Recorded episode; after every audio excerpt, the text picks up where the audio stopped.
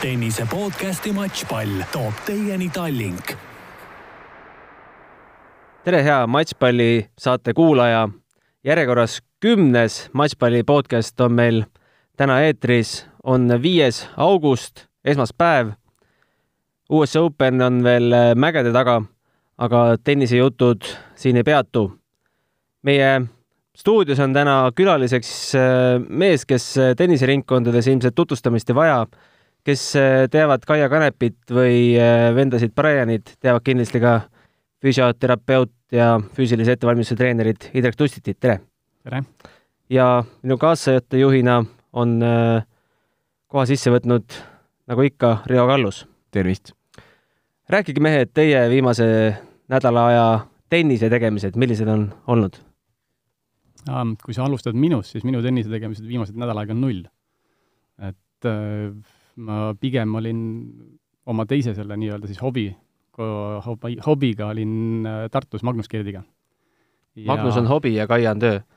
Kaia läks ära et viimased aastad on jah, nagu kergejõustik nagu läinud äh, noh, eks nad on ikkagi fifty-fifty, et ei saa öelda, et üks on rohkem kui teine, aga, aga tennis on võtnud rohkem aega, see on selge. et, et ma olen Eestis vähem, aga see, et kui Kaia ära sõitis, siis ähm, nüüd on olnud viimast nädal aega või natuke rohkem, kaheksa-üheksa päeva on olnud Tartus äh,, Magnusega trennid ja, ja sealt edasi on Ameerika US Open. kuidas äh, Magnusega trennid lähevad, on ta on terve? on. Riho, sinu viimane nädal aega? no minu viimane nädal aega on olnud äh, mõned tennisetreeningud, üks, üks tennisevõistlus, loomulikult jälginud ka noorte Eesti meistrivõistluse tulemusi, et noorte Eesti meistrivõistlused on Kadriorus praegu käimas ja ei saa üle ega ümber eh, Nick Kirjose erinevatest sooritustest, mida, mida tuleb söögi alla ja söögi peale muudkui, et see on võib-olla viimase nädala tennis. Nick Kirjos siis, eh, kes aru ei saanud, võitis Washingtoni turniiri ja võitis seal Danil Medvedevit, aga mitte just see viimane matš ei ole see, mis kõige rohkem kõneainet on pakkunud. Eh, Indrek, oled ka tema viimase tegemistega kursis? noh, Kirjost on raske nagu mitte märgata, et kui sa natuke tennist vaatad, siis ta on nii, nii tihedalt viimasel ajal uudistes, et äh, ikka näed, mis ta teeb, jah. no kui need, äh, kõiki neid tempe kokku lugema hakata, siis äh, mis ta siis äh, Stefanos Tsitsipasele viis kingad mm -hmm. jala ette nagu tuhkatriinus peni alge peaaegu, siis kolmes matšis küsis enne matšpalli esimeselt realt ist-, esimeses reas istunud pealtvaatajalt, kuhu ta peaks servima, servis ära ja võitis need kolm matši ühes matšis vist, kas see oli Tsitsipase vastu, pärast esimest seti andis nukke tervele esireale. Tuleb teil veel midagi meelde? noh, ma arvan, et kõik mäletavad ju Nadali matši samamoodi, et mis ja. oli, mis oli Wimbledonis, et eks seal talle, ta teeb, mis ta teeb. servis kõhtu? lõi kõhtu jah, üritas ja. vähemalt, aga samas, kui seda nagu eemalt vaadata, et noh, tennis on tennis jaa, no see on üks, üks osa vastase töötlemisest, muidugi vastastel on väga raske sellistes situatsioonides, et publikul on tore ja, ja Nikil on tore esineda, aga vastasel ei pruugi üldse kerge olla, nii et.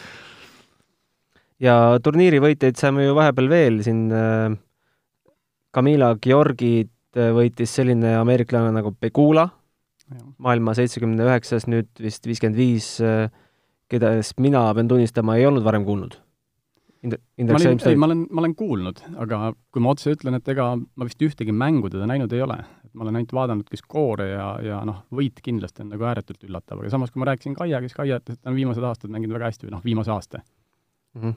ma tean temast nii palju ühte fakti, et tema isa on äh, mingi õli multimiljardär. võimalik, ei tea. ja Arina Sabalenka kaotas meil Sai Sai Schengile nüüd see oli kas see oli San Jose's äkki ah,? võimalik, ma ei ole, ma ei ole selles suhtes, neid turniire jookseb väikseid siin enne suuri nii palju sisse, et siis kõike nagu järjest läbi ei vaata mm. -hmm. aga rääkides nüüd äh, Kaiast, äh, ta lendas siis äh, USA-sse ja mis teda seal nüüd ees ootab? Cincinnati. ja Cincinnati kvali algab vist järgmine laupäev-pühapäev um,. edasi sõltub, kuidas läheb.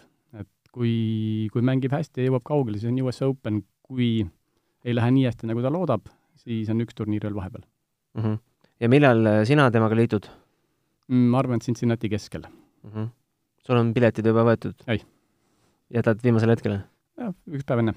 aga kes temaga seal hetkel tegeleb um,? sõidab kaasa Eestist hetkel Ken Kristjan mm. -hmm. ja mängib temaga kindlasti Cincinnati turniiri koos Mhm. et ta on Ken, Ken Kristjaniga teinud siin, ma arvan, et viimased kuus-seitse kuud vähemalt. see on ta Sparring. sparringupartner Jah. Ken Kristjan Toomjõe. mm. -hmm. ja kuidas, kuidas Kaial on läinud? no, ta on siin mõned turniirid äh, vahele jätnud ja oled ka ise äh, meedias öelnud, miks? ta, ta tahtis minna algul mängima nii Rumeeniat, Bukaresti kui, kui siis äh, Läti turniiri. aga ta eelmine või üle-eelmine aasta, ma ei mäleta, kummal aastal ta proovis, et ta vahetas äh, liiva pealt murule, muru pealt liivale, siis uuesti hardile, et see ei olnud jalgadele väga hea mm. -hmm. ja sellel aastal loobus. Mm -hmm. Aga vendade Brianitega, millal sa pead äh, kohtuma? sama koht, sama päev, sama aeg. aga ühendus, ühenduses oled äh, mõlemaga, iga päev ei, mitte iga päev. Nemad äh, Brianitega võib-olla korra või kaks nädalas, kui ma nendega kaasas ei ole mm? -hmm. et äh, nemad saavad oma eluga väga hästi ise hakkama. Mm -hmm. Aga mille pärast te peate ühenduses olema, sa annad neile mingeid kavasid ette ja kontrollid, kuidas neil on täidetud? ei, ei, pigem nagu kas tervis on korras, see on nagu põhiline küsimus, et sellest äh, lähtuvalt saab alati ka vaadata, et noh, millal ma kohale sõidan. mm. -hmm. et kui, kui pikka aega nagu enne suuremat turniiri peaks kohal olema. ja teine on lihtsalt teadmine, et millisel turniiril nad mängivad. Mm -hmm. Bob ja Mike Bryani tervis on korras? hetkel küll. viimane turniir, ma vaatasin, kas nad, kus nad nüüd kaotasid? kolmandas. kolmandas? Tead, vaatasid mängu ka, tead põhjuseid? tean, aga need põhjused las siia jäävadki. et, et ei, ei olnud parim mäng, et kindlasti võidetav mäng ja ei, võib-olla ei õnnestunud kõige paremini mm. -hmm. ütle nüüd ausalt, kas Kaia ja vennad Brianid on praegu sul ainus äh, tennisemaailmast need ainsad, kellega sa teed koostööd või on keegi veel, keda me ei tea äh,? Need on ainsad mm. -hmm. Ma mäletan, miks ma küsin, on sellepärast, et ma mäletan mingeid intervjuusid, kas see oli selle aasta alguses või eelmise aasta lõpus, kus sa ütlesid, sul kaks objekti justkui oleks veel, aga sa ei tahtnud nende nimesid avaldada. Need ei olnud tennises. ei olnud tennises? Need olid kergejõustikus. ja, ja ega ma nende, nende nimesid täna ka ei ütle, et noh, ütleme, üks neist oli praegu ka Tartus kaasas, et oli, oli üks Rootsi odaviskaja meie koos, et tema on nüüd teinud äh, alates oktoobrist mm. -hmm. aga tennises ma mingi aeg varem töötasin natukene aega Kasahstani koondise jaoks nagu osaliselt mingit aega mm. -hmm. ja see on su CV-s kirjas ka aastal kaks tuhat kaksteist ja kaks tuhat neliteist vist? võib-olla, jah mm. -hmm. ja äh, Kasahstani koondise juurde, noh, viis mind põhimõtteliselt äh, Silver Karjus, kes sellel hetkel töötas Xenia Bervakiga. et, et ja siis pärast äh,, pärast Silverit äh, ma jäin Xeniaga edasi töötama ja siis Xenia, ma ei tea, kas ta sellel hetkel oli juba Kasahstan ta või, või ta vahetas oma kodakondsuse Kasahstaniks mm. -hmm. et siis ma jäin nagu Kasahstaniga kontakti mm. -hmm. aga see tähendas samamoodi reisimist või kuskil Ja, laagrites paik- jah, pigem need olid nagu ikkagi, ütleme, ettevalmistuslaagrid ja mingid konkreetsed ajad. mm? -hmm. miks see koostöö lõppes ta ei ole lõppenud, aga mul ei ole aega rohkem. mm? -hmm. et, äh, et nad kutsuvad igal aastal, kui nendel on seal sügisene ettevalmistusaeg, nad kutsuvad ikka, et aga noh, ütleme praegu mul on nagu konkreetselt olnud ikkagi poisid, Brianid ja, ja, ja Kaia, et noh, siis seda aega ma kasutan teisiti. Mm -hmm. kas sa oled eh, oma erialas jõudnud sellisele tasemele, kus, kus sa pead rohkem ütlema ei kui jaa ei peaks alati rohkem ütlema kui jaa mm? -hmm. sõltuvalt, sõltuvalt tasemest um,. Ma ei oska öelda, ma pigem ütlen jaa liiga palju. Mm -hmm. erinevatele nii-öelda väikestele Jah. suusakatele siis? kas sul mingeid muid spordialasid ei ole kaardi peal pe- peale tennise ja kergejõustiku või?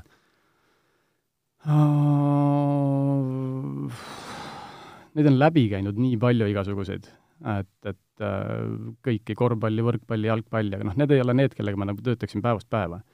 et oma selle nii-öelda füsio poolega ja võib-olla mõne sellise ettevalmistuspoolega ma puutun aeg-ajalt nagu kokku, et seda ja küsitud on ka palju erinevatel aladel, aga lihtsalt ajapuudus on see, mis ei võimalda nagu mitte mingit moodi enam rohkem midagi juurde võtta hetkel. mm. -hmm. sul on ka oma füsiopraksis, eks?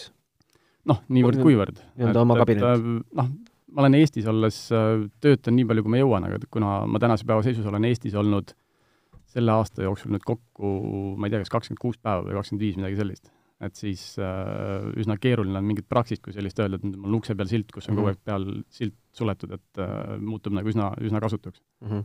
et äh, sul ei ole niimoodi, et keegi, astuvad sisse inimesed, keda sa varem pole näinud, sa pole ühenduses olnudki, et tere, et ei, ma saan, kui ma olen, ükskõik, kui ma olen kuskil turniiril või olen, olen Magnusega kusagil võistlustel, et noh, mulle email'e sisse tuleb iga päev, samamoodi telefonikõnesid, SMS-e, et noh ähm,, nii palju, kui ma siis pärast Eestis olen, et siis need ajad on täis ja, ja ma töötan nii palju, kui ma jõuan viimasel ajal on seal Eesti tennisiste sinu käe alt veel läbi käinud?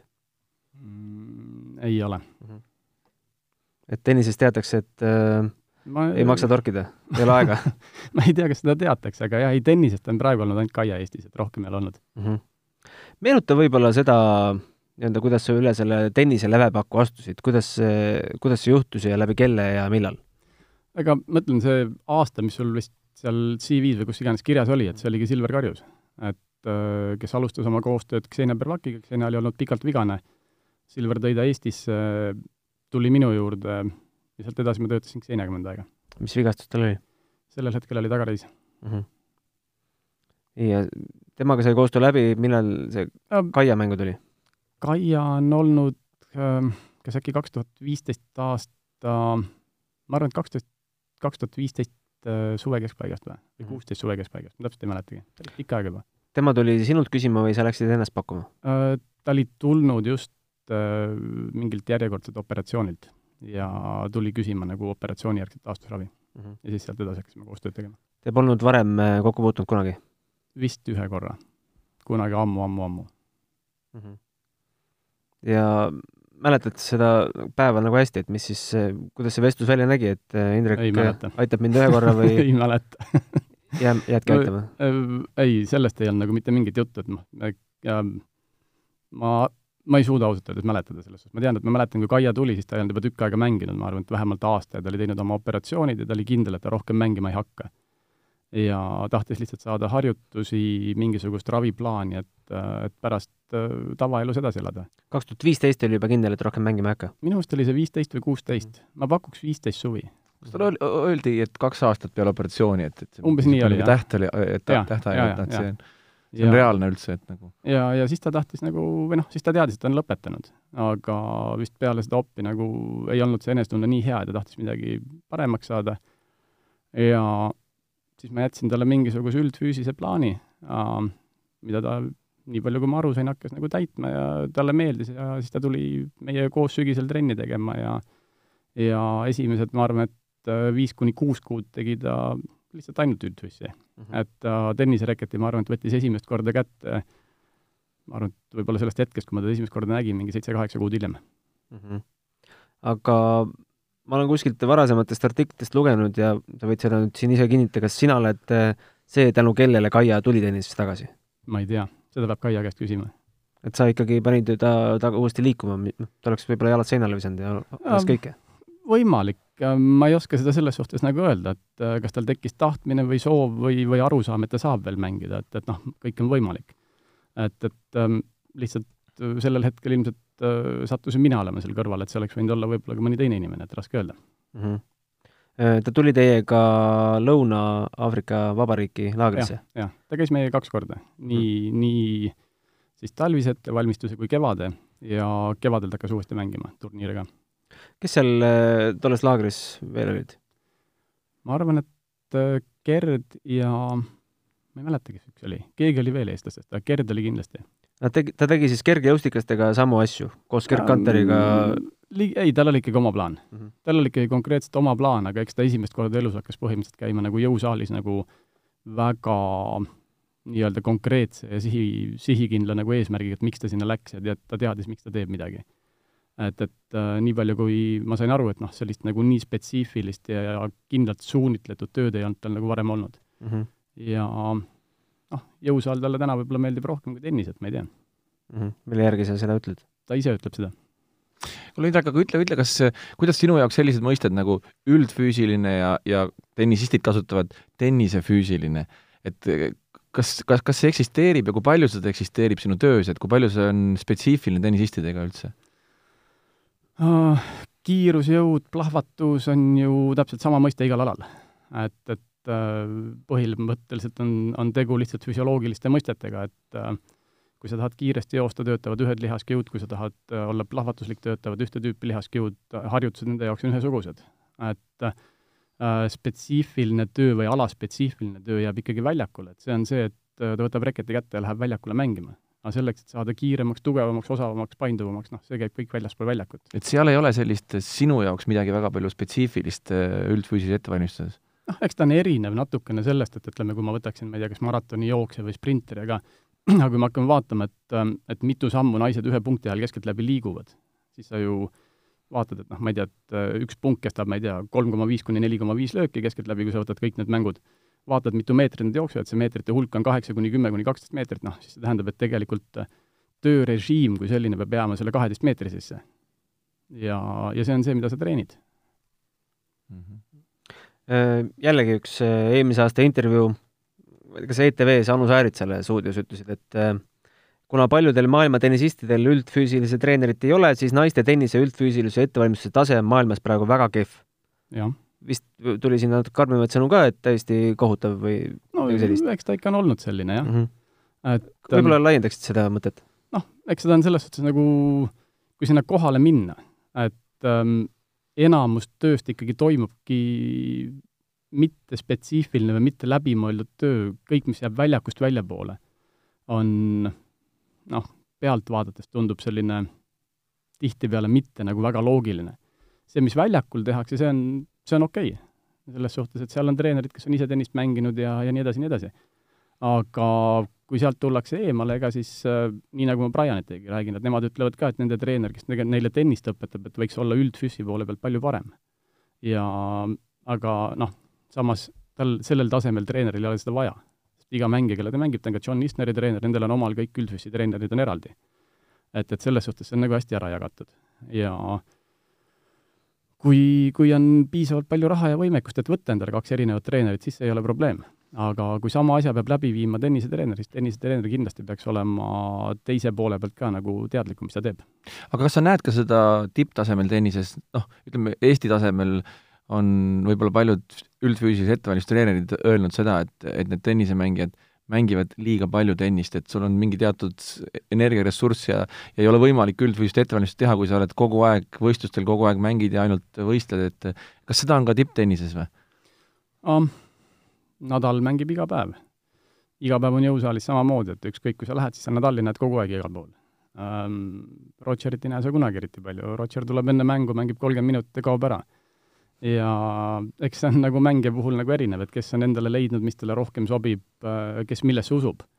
aga kindlasti, kindlasti mingil hetkel peaks olema nagu planeering, et, et kui sa vaatad, kui palju sul on järgmise turniirini aega, et kui palju sa siis jõuad tennist mängida, kui palju sa jõuad mingisugust üldfüüsilist arendada. et, et selline nagu sihikindel või teadlik planeering peaks olema palju, palju täpsem, kui seda, kui ta seda kindlasti on. et ega kui sul on kahenädalane turniir ja noh, nagu US Open näiteks, kui sa lähed ikkagi esimesest ringist, ma ei tea, neljanda või viienda ringini välja, et ega see, kui sa kolm või neli päeva ennem juba turniiri mitte midagi enam ei tee, et kümne päevaga ikkagi see langus tekib. et, et siis sa pead leidma lihtsalt päevad ja harjutused, mis sellesse mängudevahelistesse päevadesse või aegsetesse päevadesse sobivad. et see üldfüüs ja kõik nagu püsiks kas mitte vennad Brianid pole ka öelnud, et enne, kui sina nendega tööd hakkasid tegema, neil ei olnud, äh, neil ei ole sellist üldfüüsilise treenerit kunagi varem olnud, kes nendega niimoodi tegeleks? ei ole vist jah, et nad on os-, otsinud endale pikalt ja enne mind nendel oli, ma arvan, neil oli korduvalt nagu erinevaid, kes käis mõnda aega. aga nii palju, kui ma vist tean, et ütleme, mina olen tegelikult töötanud kaks tuhat kuusteist alates, et jah, vist isegi nii pikalt ei ole keegi nendega töötanud. see kõlab natuke uskumatult, et äh, nad on ju, mitu slämmi neil selleks hetkeks juba oli, et äh, no ainult Maik on saanud sellest hetkest alates kaks tükki lisaks, et, et Bob ei ole tegelikult lisaks nagu hetkel saanud veel mm. -hmm. loodetavasti see muutub. aga ma ei tea, palju Maikil on, kakskümmend või mm? -hmm. et või kakskümmend üks? palju et ma ei suuda seda peast minule isiklikult tundub, et äh, sellisel tasemel kõigil on juba selline tiim taga, et kuskilt midagi juurde panna ei olegi, aga tuleb välja, et äh, maailma parimatel paarismängijatel ikkagi on kuskilt midagi juurde võtta. noh, jah, eks seda, ma arvan, et pigem see pool, mis seal nagu muutub just selles paarismängus, et selle äh, vanuse tuleku ja kasvuga koos sa pead oma treeningut muutma, et noh, kui ma viimane kord seal Wimbledonis olin, siis tuli, tuli ka minuga rääkima üks siis tennisetreenereid ja küsiski, et, äh, et mis te Ryanitega teete, et noh, et ütleme, et kui, kui kutid mängisid kolmekümne viieselt hästi ja täna mängivad neljakümneselt vähemalt sama hästi või paremini, et siis järelikult teete midagi õigesti. ja noh, mõtlesin, et ega midagi muud ei ole, et nad treenivad lihtsalt vähem. lühemaid ajakestvuseid ja, ja vähem ja, ja ka sagedus on väiksem. aga, aga seda on mängijale, kes on eluaeg mänginud, väga raske algselt selgeks teha. ja treenerile samamoodi, et noh, et, et enamus ikkagi arvab, et edu peitub selles, et kui ma teen rohkem, siis on parem. Aga see, et, et rohkem on parem, on ainult mingisuguse konkreetse hetkeni. ühel hetkel vanuses ikkagi hakkab tekkima see, kus, kus vähem on parem. kas üldfüüsilise kohta käib sama või? täpselt sama. et äh, taastumisaeg, et kui sa taastud mingisugusest protsentuaalsest treeningust, seal kaheksakümmend viis, üheksakümmend, üheksakümmend viis, äh, ütleme, mingi vanuseni võib-olla kahe, kolme või nelja päevaga, siis iga aasta, mis sa lähed sinna kolmkümmend kaks, kolm, neli vanuses lisaks, hakkab tulema ka päevi ja tunde lisaks. aga kirjelda meile Brianite treeningnädalat. noh, a la, milline tavaline treening, kui palju, kui palju, mida nad teevad täpselt um,? Kui ma olen nendega koos, siis tavaliselt on kolm päeva tennist, päev puhkust. ja kolm päeva tennist äh, palju sul tennist on siis päevas? tund-poolteist. tund-poolteist. ja üle kahe tunni mängitakse ainult siis, kui nad mängivad punkte ja mängivad natukene veel ette, et noh, kui nad mängivad mingisuguste vastaste vastu seal seti või mängu või noh, mis iganes. ja igast sellest kolmest päevast on äh, kaks päeva on üldfüüsi ka veel lisaks mm. -hmm. et ütleme siis kaks päeva või kaks trenni päevas, üks trenn, kaks trenni. aga kui pikk see üldfüüsi treening on või kui, kui, kui intensiivne? tund aega. tund aega, jah ja. mm.? maksimum, maksimum tund aega, tunniga on kõik tehtud kindlasti. et üle kolme tunni neil päevas treeningule ei lähegi, tööpäevad? kindlasti, kindlasti mitte me käime siin kaheksa tundi päevas tööl, et nemad piirduvad siis kolmega? no ikka vähem. kaks pool oleks ikka ideaal, kui oleks tehtud mm. -hmm. aga võrreldes nüüd äh, selle ajaga, kui nad äh, oma esimesi slämme võitsid, palju nad siis trenni pidid tegema uh,? ma tean, et äh, Bob ja Mike räägivad, ega nad, kui nad noored olid, nad väljakult ära ei läinudki mm. -hmm. et, et siis olid need treeningkestused ikkagi viis-kuus tundi ja võib-olla kauem, et, äh, et äh, mängid iga võimaliku ajahetke ja nii palju kui võimalik et äh, eks see täpselt nii ongi, et kui sa mingis asjas tahad heaks saada, siis sa selle nimel eladki hommikust õhtuni. ja kui tase on kätte saadud, siis sealt edasi peab hakkama treenima juba rohkem nagu teadlikult ja mõistusega. kes vendade Brianite treenerite tiimis veel on? kui suur see seltskond on um,? praegu on David Macker mhm. -huh. kes on John Isneri treener samamoodi ja oli kuni selle aasta kas Pariisini oli Dave Marshall. aga kuna nendel oli üks äh, noorem kutt, kes käis nendega koos suvel sparringut mängimas äh,, siis äh, suviseid turniire Dave ei käinud. et ma ei tea, kas Dave nüüd sügisel tuleb tagasi või ei tule mm. -hmm. Te tennisetreeneritega peate ka omavahel tihedalt suhtlema? jaa, loomulikult. Teil on nii-öelda piirid paika pandud, et keegi üle teiste piiride ei lähe? jah. kui raske või kerge see on? see ei ole raske. see ütleme, et igaüks äh, teab, nii nagu mina ütlen, noh, ma, mina tennisetreener ei ole. ma ei jaluta väljaku peal, ei hakka ütlema, et löö nii või löö naa või mängige nii, et noh, see, see ei ole minu asi.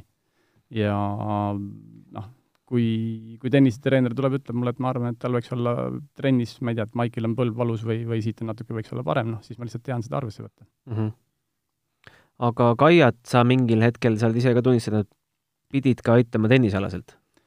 Noh, see on, tennisealaselt aitamine on olnud nagu nendel hetkedel, kus tal ei ole mitte kedagi kaasas olnud mm. -hmm. et äh, tema puhul on olnud hetki, kus ta ei ole suutnud kas leida endale treenerit hetkel või on olnud mingi vabam aeg, kus tal ei ole treenerit olnud. et äh, aga noh, oleme ausad, need hetked, kus ma olen, mina teda aidanud, ta ei ole nii hästi kindlasti kunagi mänginud, kui siis, kui tal on olnud treener kõrval mm. -hmm. Kus pärinevad sinu nii-öelda tenniseteadmised, sel hetkel, kui Kaia ütleb, et mul ei ole kedagi, et kas sa saad mind aidata, lähed koju, võtad õpikud lahti või kuidas, kuidas see käib? no kui sa oled äh, Grand Slamil või kus iganes, et sul on korraga väljaku peal või noh, ütleme, teleekraanidel on ees kakskümmend mängu. ja kui sa neid päeva läbi vaatad, siis ju mingisugune arusaam sellest tekib, et, äh, et noh, ma ei, ma ei oska öelda, et sa pead hoidma reketit nii või, või teistmoodi või lööma nii, aga arusaam ju mängust kui sellisest, et mis seal taktikaliselt toimub ja nii edasi, see oled sa ise reketit kätte võtnud või? No ikka ma oskan ta kätte võtta, aga ega ma lüüa eriti ei taha ah. sa ei ole proovinud kuskil turniiril käia harrastustes? kindlasti mitte mm. -hmm. kuule, aga kui palju sa, palju sa meie teiste Eesti tennisemängijate tegemisi jälgid ja kui, kui, kuidas sa, ütleme, kommenteeriksid nende teiste üldfüüsilist ettevalmistust ja, ja vormi? Anetti ja Jürgenit ja võib-olla Kennetit silmas pidades, et mm,? Aneti kohta mul on nii raske öelda, sellepärast et Äh, noh, minu jaoks mängib Anett täiesti teistsugust tennist kui Kaia. et nende see mängu erinevus on, üks miksib oma mängu rohkem, Kaia lööb tugevalt, noh, Aneti mäng on nagu hästi laiali jaotatud väljaku peal, et noh, täiesti erinev mäng um,. Jürgenit uh, ma mingid aastad tagasi puutusin aga kokku, kui tal oli seljas väsimusmurd. et ta käis minu juures ja, ja ta peale seda hakkaski uuesti mängima. et ähm, ja ma aitasin teda ka mingil määral üldfüüsiga, üldfüüsilisega, üldfüüsilisega sellel hetkel. aga aga ega need plaanid nagu, kui, kui teha mingi üldfüssi plaan, et seda on nagu üksi raske läbi viia. et seal oleks nagu hea, kui sul on mingi treeningpartner kaasas ja ta ise ütles ka, ütles, et noh, tema jaoks nagu teha nii tennist kui seda üldfüssi korraga, et, et see on nagu liiga, selles suhtes nagu üksinda tehes liiga raske. ja, ja siis ta leidis endale, ma ei tea, kas ta läks selle Soome treeneri juurde tagasi, kas tal varem oli või võttis ta siis juba endale uue treeneri kellegi, et mm. Et ja, ja sellest hetkest alates mina teda nagu enam rohkem ei tea, mis ta on teinud aga sa kõrvalt ta mänge ikkagi oled vaadanud? ma aeg-ajalt vaatan jah, et ähm, aga ma ei oska nagu teda hinnata. et, et praegu, nüüd sel aastal ma vist ei ole ka ühtegi tema mängu näinud kusagil, et ta on mänginud nii palju vist kvalisid, et, et ma ei ole kvalide ajal tihti kohal. ja Kennetist rääkides, siis äh, ma ei ole vist Kenneti ühtegi mängu näinud elus. Et ainult teda mõned korrad trennis, et noh, ütleme, aga need see aeg jääb ikkagi kuskil nagu kaugesse minevikku ja, ja siis ta oli lihtsalt füüsiliselt hästi nõrk veel, et ma ei tea, kuidas ta täna on. Riho, sa oled rohkem näinud, kuidas ta täna on? kindlasti kuulab meid praegu?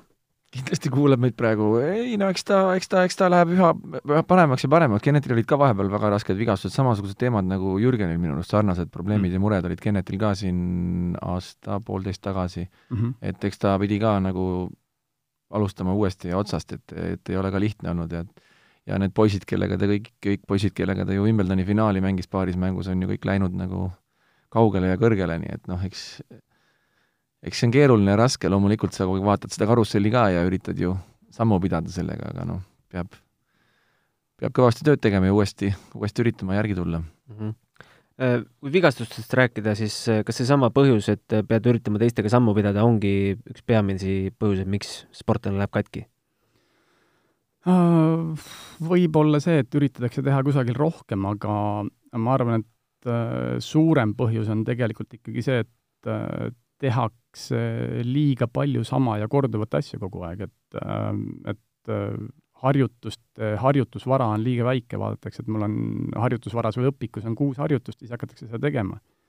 ja kui need kuus harjutust on kõik samadele lihastele ja seda teha päevast päeva, siis sa igal juhul lähed katki, et noh, see treeningu variatsioon ja ta-, teadlikkus peaks olema nagu oluliselt suurem. et, et ma arvan, et see vähendaks ka vigastuste hulka väga suuresti.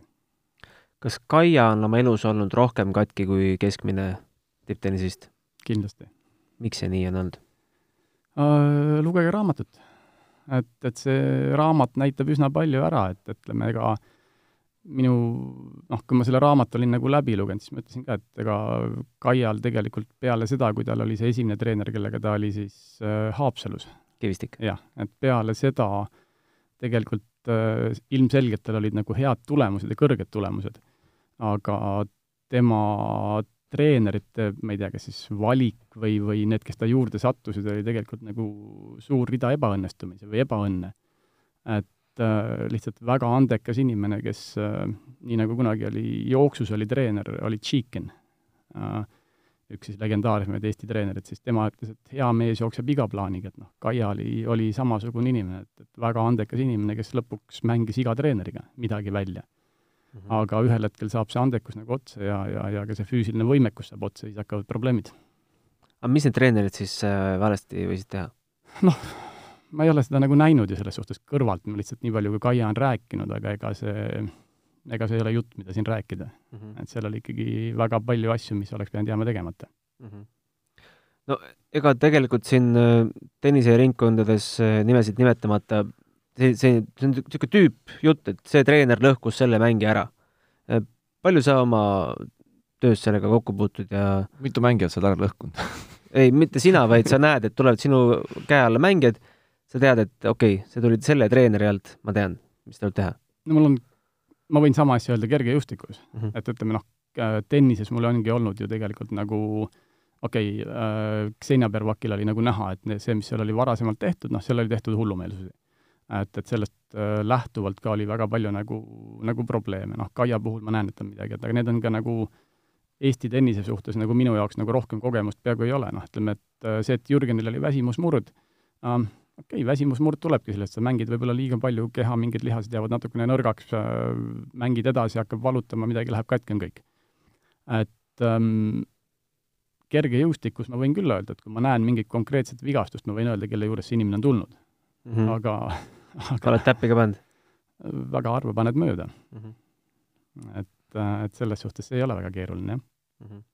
laseme siia vahele ühe kõlli, meil on uus kõll, Riho ela tennisetähtedele kaasa Telia live-kanali vahendusel. Anett Kontaveidi ja Kaia Kanepi WTA turniiride mängud terve aasta otse. lisaks poolfinaalid ja turniiride finaalmängud. vaata ja ela omadele kaasa Telia live-kanalil. Oleme tagasi ja kui äh, see reklaam juba eetrisse läks, siis äh, tuletame meelde, et täna öösel kell kaks, äh, mitte enne, võib-olla sutsu hiljem, mängivad Anett Kontaveit ja Maria Šarapova Toronto esimeses ringis. huvi pärast vaatasin ka koefit-, koefitsiente, mis sa pakud, Indrek, kumb favoriit võiks olla? minu jaoks on kindlasti Anett, et, et vähemalt poolega. julgeksid raha panna?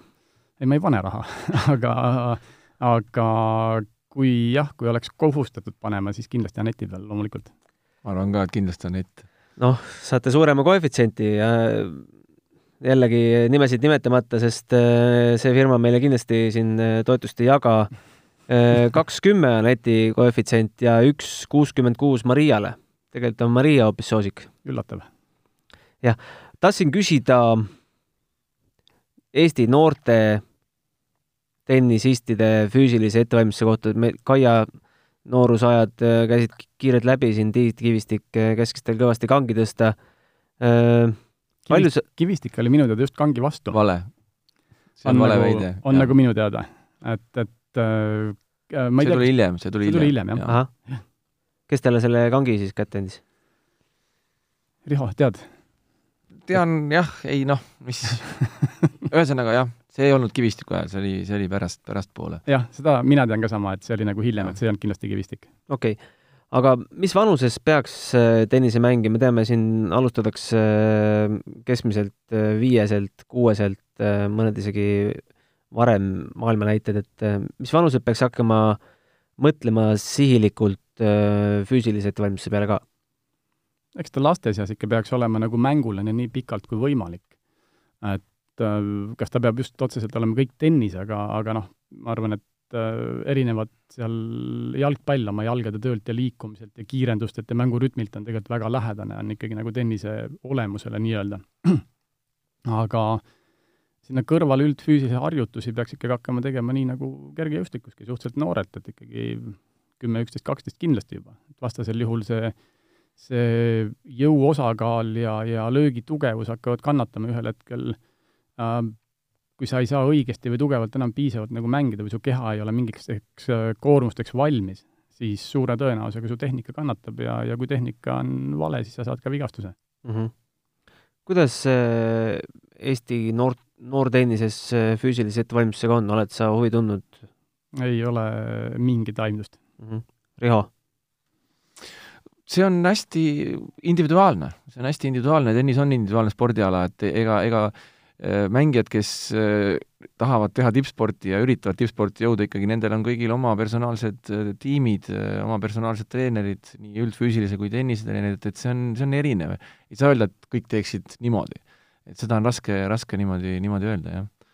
aga noh, minu, minu mulje kõrvalt, kõrvalt ikkagi on pidevalt olnud see, et liiga palju tennist ja liiga vähe üldfüüsilist, et eh, noortel on, noortel on väga, väga palju võistlemist, väga palju tennisetreeninguid ja ja jääb tihti aega vähe taastumiseks ja, ja noh, ma olen ka kuulnud teiste, teiste füüsilise treeni-, treeneritelt, et neile tuuakse see väsinud tennisemängija ja tahetakse teda üldfüüsiliselt paremaks saada, aga lihtsalt äh, ei ole aega, et sellega tegeleda. et ja siis, siis tekivad vigastused ja probleemid, et äh, see on pigem on alati, alati need, need mured, et võiks võtta rahulikumalt eh, teinekord tennisega ja rohkem, rohkem vaeva näha üldfüüsilisega. nõustud? tundub nagu väga loogiline jah, selles suhtes, et eh, ma pigem nagu arvan, et võib-olla see võikski olla nagu rohkem nagu tsükliteks tehtud, et kui sul on ikkagi tennishooaeg, noh siis üldvist nagunii jääb tahaplaanile, aga kui on aeg, kus sa tead, et sul on mõnda aega tennisest võimalik nagu rahu saada, et siis sellel hetkel tuleks sellele teisele poole pöörata vähemalt eh, viiskümmend, viiskümmend protsenti tähelepanu noh, seal kipub olema, tennises on see õnnetu edetabel ja ka kalender ja see edetabel, mis mm -hmm. iga nädal on need punktid ja hakatakse vaatama liiga palju seda, kus ma olen ja kuhu ma tõuseks ja mis mul ära kukub ja ja see, see on sul kogu aeg peas, et mm, -hmm. et see, seda peaks nagu suutma, suutma nagu natuke rohkem kõrvale lükata, pikka perspektiivi vaadates, et, et minul tundub, et see on pigem, pigem, see on probleem tihti mm. -hmm. no me rääkisime siin, et äh et äh, naiste tennise tipus ei ole selle üldfüüsilisega kõik äh, päris äh, nii, nagu peaks võib-olla, aga neil ometi ju üldfüüsilise treenerid on ju, võtame top kakskümmend viis kas või on ju alati kõrval olnud või, või mõnel lausa ei olegi või? top kakskümmend viis, ma tahaks loota, et on ikka kõrval, jah mm. -hmm. aga nad teevad siis valesid asju või?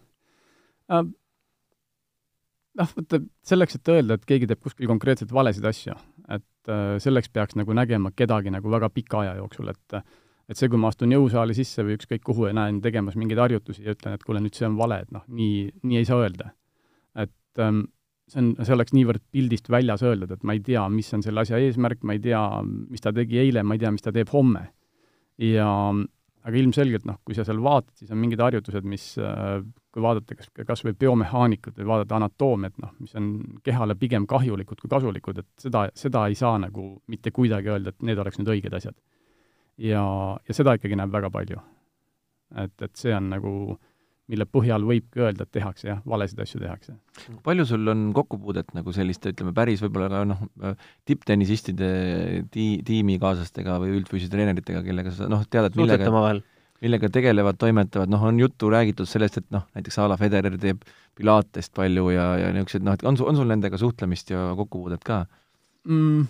Mitte nagu otseselt, aga noh, on ilmselgelt nagu inimesi, kellega, kas või läbi Brianite, kellega ma nagu suhtlen päris palju ja ütleme, need, kes usakatega kaasas käivad ja seal on ikkagi inimesi, kellega ma räägin, loomulikult um,. Aga ütleme, kui, kui seal päevast päeva oled ja hommikust õhtuni nagu näed seda, mis toimub, et siis äh, ei ole väga raske aru saada, et miks äh, Djokovic äh,, Roger ja, ja, ja, ja Nadal on maailma parimad.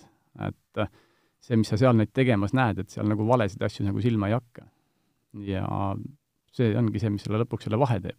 ja noh, korrapärasus, lihtsalt äh, iga päev tehakse, sa näed, et selle asja taga on nagu päevast päeva mingi loogiline ülesehitus ja mõte. et ähm, see ongi erinevus, et noh, ütleme, et kui me toomegi sinnasamasse need juurde, need sitsipased ja kõik muud, et noh, need on ka tänasel päeval väga hästi on kogu see pilt nagu hakkab silma, et kõik on õige mm. -hmm. kas äh, sina tutvusid Dušan Vemitšiga siis, kui ta oli veel Djokovic'i treener või? Mina tutvusin Dušan Vemitšiga siis, kui ma töötasin Xenia Bervakiga mm. -hmm. ja Dušan tuligi minu teada Xenia juurde vist kas üks või kaks treenerit peale Silverit. et tegelikult äh, olin mina Xeniaga juba siis, kui Dušan tuli mm. -hmm. et äh, mõnes mõttes tänu Silverile sa oled äh, Brianite treener? kindlasti, loom-, loomulikult mm -hmm. jah, et kui igasuguseid asju võib niimoodi pikalt vaadata. Silver, tervitame Silverit. tervitame Silverit. aga mäletad sa, kuidas sa ütlesid, sa väga ei mäleta seda esimest päeva, kui sa Kaiaga kokku said, aga mäletad, kuidas see koostöö algas ja kuidas sa alguses sellesse pakkumisse suhtusid uh,? Millisesse? et uh, tule aita Brianit ka uh,. kaks tuhat kuusteist olümpia tennise, kas uh, kohe, kui tennis sai olümpial läbi, siis tegelikult juba seal ma kohtusin Dušaniga, sest Dušan töötas sellel hetkel Brianitega. said olümpial? jah ja siis ma sain temaga kokku, siis ta ütles, et ta arvab, et ta küsib poiste käest, et ta on neile juba pakkunud, et, et kui mul on aega ja võimalust, et siis ma võiksin nendega vähemalt aasta lõpuni turniiri teha, et ta arvab, et, et seal oleks nagu asju, mida võiks koos teha mm. -hmm. said olümpial äh, Gerdi ka? põhimõtteliselt Gerdi või Eesti koondisega, et sellel hetkel jah, et äh, kuidas siis äh, tennisalaselt kokku saite, et kergejõustikustaadion on siin, tenniseväljakud on seal? olümpiaküla on olümpiaküla. et olümpiaküla on üks suur küla, et seal on äh, elamiskohad, kõik on samas kohas, et selles suhtes äh, ja noh, kuna Dušan teadis, et ma olen seal, siis me saime kokku, ta küsis ja oli kõik. Dušanit sa teadsid äh, tänu siis, jah? jah, tänu Xeniale ja. juba kolm-neli aastat varem mm. -hmm. ja järgmine samm, saite juba Bryant'iga sealsamas äh, Riios kokku? ei, Bryanit Riios ei mänginud.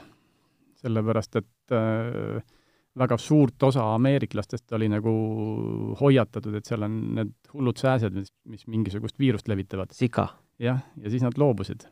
et, et nemad nagu Brasiiliasse ei läinud selle tõttu.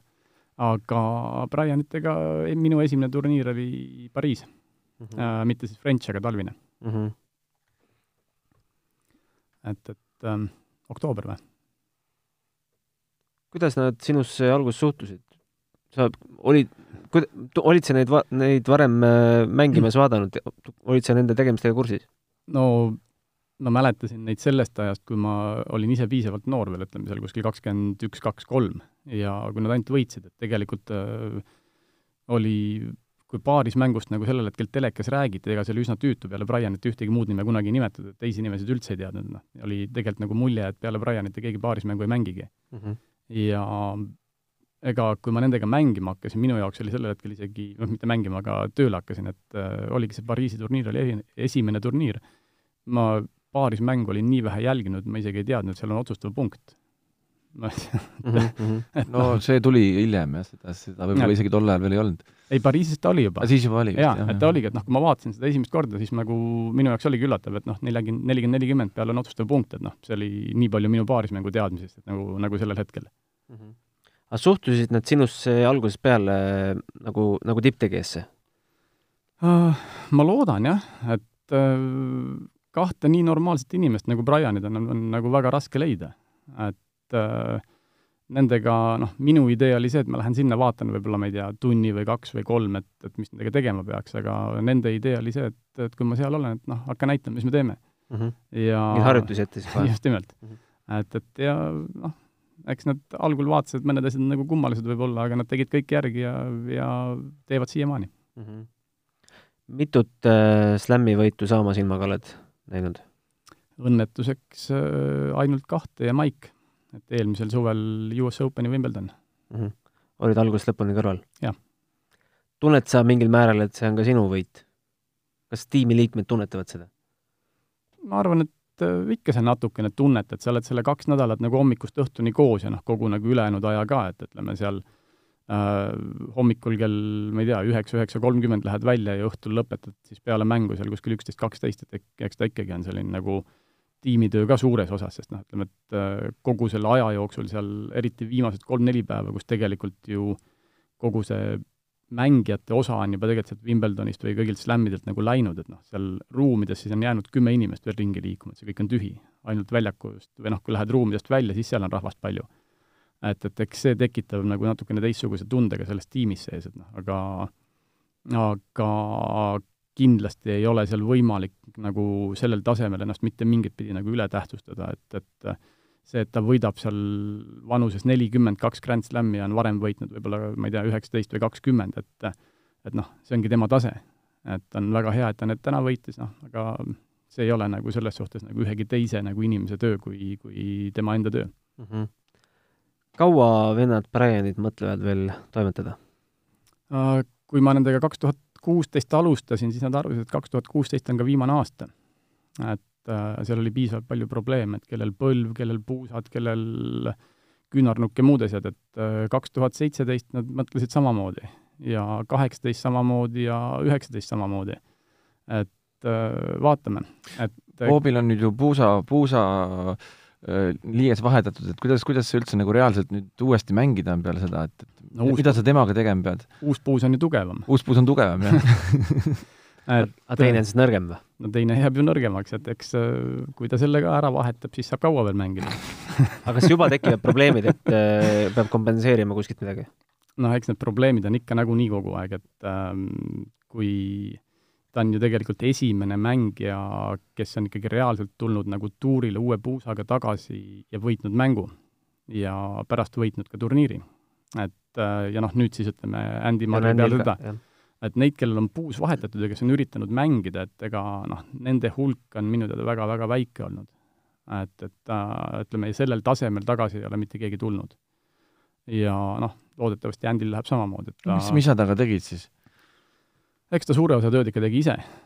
et äh, aga noh, ma olen alati öelnud, kui, kui sul on inimesed, kes on nii pikalt ja nii kõrgel tasemel maailma tipus olnud, et ega see ongi teistsugune inimene ja teistsugune andekus ja, ja tase.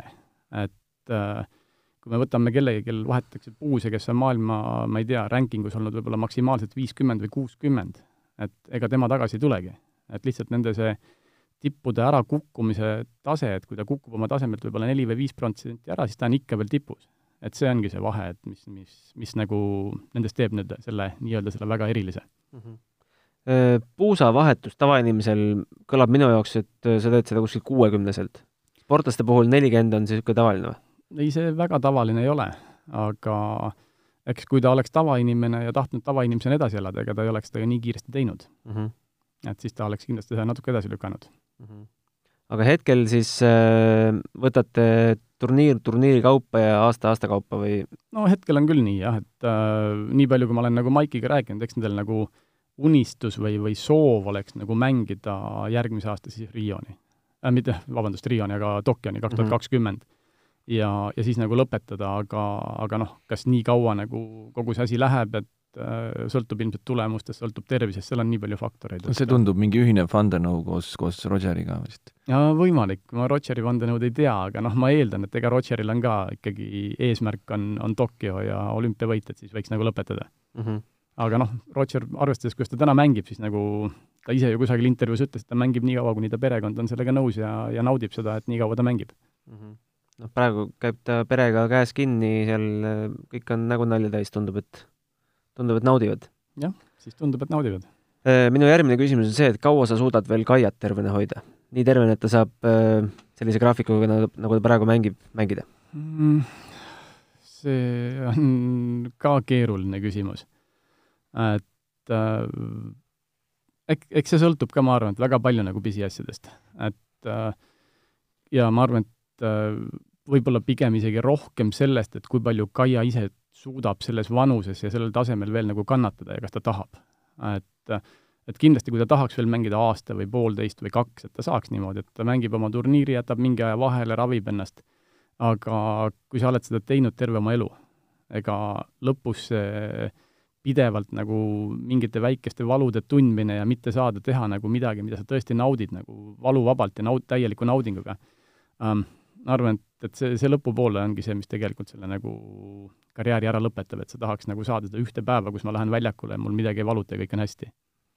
aga kui te teete plaane või kas või räägite unistustest järgmisel aastal, mis tahaks teha, et kui pikalt te ette räägite? ühe turniiri mm. -hmm. et äh, võtame, praegu on Cincinnati ja siis vaatame US Openit ja siis vaatame, et mis edasi saab US Openile nii-öelda minek on selles mõttes ikka kindel, võime rahulikult hingata? ma ei tea, ta on Ameerikas kohal, et loodetavasti ta ikka jõuab Openini ka mm. -hmm. kuule, aga kommenteeri korra seda, ma tahan küsida korra seda, et möödunud aastal, kui Kaia, Kaial praktiliselt ei olnud WTA rankingut, Kaia mängis Eestis kaasa Pärnus Merko Estonian Openit, võitis selle turniiri, siis läks US Openile see oli üle-eelmine aasta. või vabandust, üle-eelmine aasta, jah. siis läks US Openile kaotas veerandfinaalis Serena Williamsile väga napilt otsustavas setis vist kuus-neli, kui ma ei eksi. siis ei hoidnud üldse reketit käes jälle neli kuud mm. -hmm. paar nädalat enne Austraalia Openit mm -hmm. sai hakata tennist mängima mm -hmm. ja siis võitis maailma esireketit. no kuidas see võimalik on äh,? ei, ta siis ei võitnud maailma esireketit, siis ta kaotas. Alepile ta ikkagi kaotas kolmes setis Austraalias või võitis ta või? ei, võitis. kõigepealt võitis, siis kaotas aga ta teise mängu kaotas, kaotas., jah. Austraalias kaotas, USA-s võitis vist mm, -hmm. oli niipidi, eks. et ähm, noh, eks see ongi seesama, et see hooaeg lõppes ära ja need vigastused või mis tal on, et noh, need ei saanud nii piisavalt kiiresti nagu terveks, kui, kui oleks nagu soov olnud. et siis me otsisimegi mööda erinevaid arste ja käisime siin mööda, ma ei tea, Pariisi ja muid maailmakohti. Ja eks me sealt öeldigi, et noh, et ähm, et sinna Austraalian Openile nüüd minek, see kaks tuhat üheksateist minek, mis oli, et see oli täpselt sellise piiri peal, et tegelikult oleks olnud nagu vajadus puhata veel või ravida ennast veel umbes kaks kuni kolm nädalat, et see oleks andnud sellise nagu parema fooni. aga noh, kui ma täna tagasi vaatan ja Kaia sinna läks, et ma arvan, et see kaks-kolm nädalat ei oleks tegelikult midagi muutnud. et äh, ta ei läinud seal rohkem katki äh,, ta jäi mängima ja mängibki selles rütmis, nagu ta praegu saab. Aga see, et ta on võimeline tulema ma ei tea, peale kolmenädalast äh, või nel-, kolme kuust mitte midagi tegemist või noh, mitte, ütleme siis mitte midagi tegemist, aga tennise mittemängimist ja võitma maailma esireketit, noh, eks see näitabki, et kus ta tegelikult oleks võinud olla, kui, kui tal oleks võib-olla elus läinud treenerite ja kõigi muude asjadega natuke õnnelikumalt. sa oled äh, varem öelnud ka, et Kaia on üks äh, andekamaid inimesi, sportlasi, kellega sa oled koos töötanud. jääd sa siin ka oma sõnade juurde? Mul on üldse õnne olnud, et need äh, sportlased, kellega ma olen töötanud, ongi väga andekad. et äh, nad on natukene ühesugused, et äh, ja, ja väga jah, väga, väga see andekad. andekus seisneb töökuses? ei, see andekus seisneb, vaata Raul Rebase mõiste on ka see, et, et andekus ei ole see, et kes on kolmeteist või kaheteistaastaselt nagu füüsiliselt maailma number üks või mis iganes. Et seal on nii palju faktoreid, aga eks see rohkem on sellist nagu sisemist põlemist või soovi, et sa pead äh, tundma, et ma tahan olla kõigist parem ja siis sa oled nõus tegema selle nimel ka väga palju asju. et äh, ja väga palju asju, mis tegelikult on väga tüütud. et, et noh, Kaia ja Gerdi ja, ja Magnuse ja nende kõigi ühine nimetavus äh, täpselt samamoodi nagu Brianitel on see, et et äh, edu ei too mitte see, et kui palju tunde ma veedan väljakul selle asja juures, vaid äh, pigem kui palju tunde ma väljaspool väljakut teen selle nimel, et ma oleksin selle väljaku peal kõige parem. et ähm, noh, Mike'il oli ju pikka aega oli, oli Mike Bryan no off-season, oli nagu tema kohta üks sellised nii-öelda laused, et noh, see oli, kui hooaeg lõppes, siis off-season'it ei ole, puhkeaega ei ole, et ma võtan järgmine päev reketi kätte ja lähen mängima uuesti või lähen jõusaali või lähen kuhu iganes midagi tegema. et eks see tõigi talle sellele mingil hetkel selle taseme ja, ja selle, selle tulemuse, kus ta on. et see on andekus. Andekus kombineeritud töökusega. andekus kombineeritud töökusega ja kindlasti sportlaste puhul ma arvan, et see andekus on väga palju sellist nagu tunnetuslikku poolt, et sa pead aru saama inimesest, kes sinuga töötab, et kas see sobib sinule või mitte ja selle hetke ära tundma. ja kui sa selle ära tunned, siis laskma teha kõigil oma tööd. aga pelgad sa ka natukene seda aega, kui Kaia ja Brianid peaksid lõpetama, et äh, tegelikult seal äh, tipptennises tiirelda, ma kujutan ette, on päris omaette kogemus? ei tea, mõtlen, kui ma olen sel aastal lennanud umbes kakssada tuhat kilomeetrit, et ega neid äh, päevi nagu otseselt taga igatsema ka ei jää mm. -hmm. et äh, ei pelga, kindlasti mitte. Siis- tahaksid sa, tahaksid sa võtta järgmise tennisesti? et kas ma tahaks lõpmatuseni sellest äh, karussellis Just, kaasa sõita või? ei taha lõpmatuseni seal kaasa sõita. aga ütleme, et järgmise tennisistiga ma tahaksin seda no, seal peab kindlasti nagu nägema, et mis see on, et, et see ikkagi sõltub väga palju sellest, et milline inimene on, kellega sa pead päevast päeva koos olema. et selles suhtes äh, noh, ma ütlen, et mul on olnud nagu õnne, et need inimesed, kes on mu kõrvale nagu sattunud, on olnud niivõrd normaalsed ja meeldivad, kellega sa tahadki hommikul minna ja lähedki hommikul kell kaheksa välja või seitse või kuus või mis iganes vaja on, mis, mis päev parajasti on. ja teed seda kolmsada kuuskümmend viis päeva järjest ja lähed sinna iga päev, tehes seda hea meelega. et äh, aga kui sulle satub sinna kõrvale inimene, keda sa ei taha näha ühtegi päeva oma elus, noh, siis ilmselgelt ma arvan, et äh, ma oleks ammu ära lõpetanud selle, mida ma teen. mm. -hmm. aga sul ei ole selliseid inimesi selja taga, järjekorda, et kui, kes koputavad sulle õlale, et kuule, kaua sa veel selle Kaiaga ja Ma-, Bobi ja Maikiga veel teed, et me tahaks nüüd sind? äh, igal, igal sügisel on küsimusi olnud või noh, mitte igal sügisel, aga alates siis sellest hetkest, kui ma olen äh, Brianitega tööd teinud, on olnud küsimus, et äh, kas me saame sind sügisel alates september, oktoober, november, millal iganes turniirid läbi saavad, et kas sa oled vaba tulema sinna või sinna. aga tänasel päeval ma olen ka väga konkreetselt öelnud, et ei, et niikaua, kuni, kuni Kaia mängib, et siis teisi naismängijaid me kõrvale kindlasti ei võta ja, ja niikaua, kui poisid mängivad, ma olen nendega, et, et noh, mitte mingit nagu et naismängijatest on küsitud? äh, naismäng-, naismängijatest on küsitud, jah. Kirjutad sa äh, nimed pärast meile siia paberile? Ei. äh,. kuidas nüüd seda kõike nüüd äh, kokku võtta, meil kindlasti juttu jätkuks veel äh, tundide kaupa ja neid teadmisi, mis sinu peas peituvad selle ala kohta on ka mitme raamatu jagu. palju sa tunned, et sul on veel sellel alal edasi minna? skaalal üks kuni kümme, kui valmis äh, füsioterapeut sa oled? see on selles suhtes nagu keeruline ütelda üks kuni kümme, noh, seal ei ole nagu numbrit mm. -hmm. et äh, kui ma täna ennast ühe aasta ei arendaks või ei õpiks, siis kui ma ütlen, et ma täna olen, ma ei tea, seitse või kaheksa, siis aasta lõpuks ma olen võib-olla jälle kolm või neli. et, et see on nagu tegevus, kus sa pead pidevalt äh, hoidma ennast täpselt sellel joonel, nii nagu treening, et kui sa üks aasta ei treeni, siis su tulemus langeb. Ja ähm, teraapias on samamoodi, et noh, kuna täna on ikkagi infole juurdepääs ja mingisuguste tehnoloogiate areng on niivõrd kiire, ka treeningu koha pealt, et äh, need asjad muutuvad nii kiiresti, et treeningsüsteemid näiteks, noh, kui ma alustasin kaks tuhat kuus aastal Gerdiga, siis ütleme, jah, ütleme kaheksakümmend protsenti need treeningteadmised, mis sellel hetkel olid, vastavad tõele.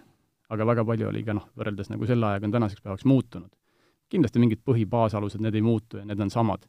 Aga muutuvad detailid ja lõpuks see, see, kas sa oled esimene või kümnes, see ongi kinni detailis.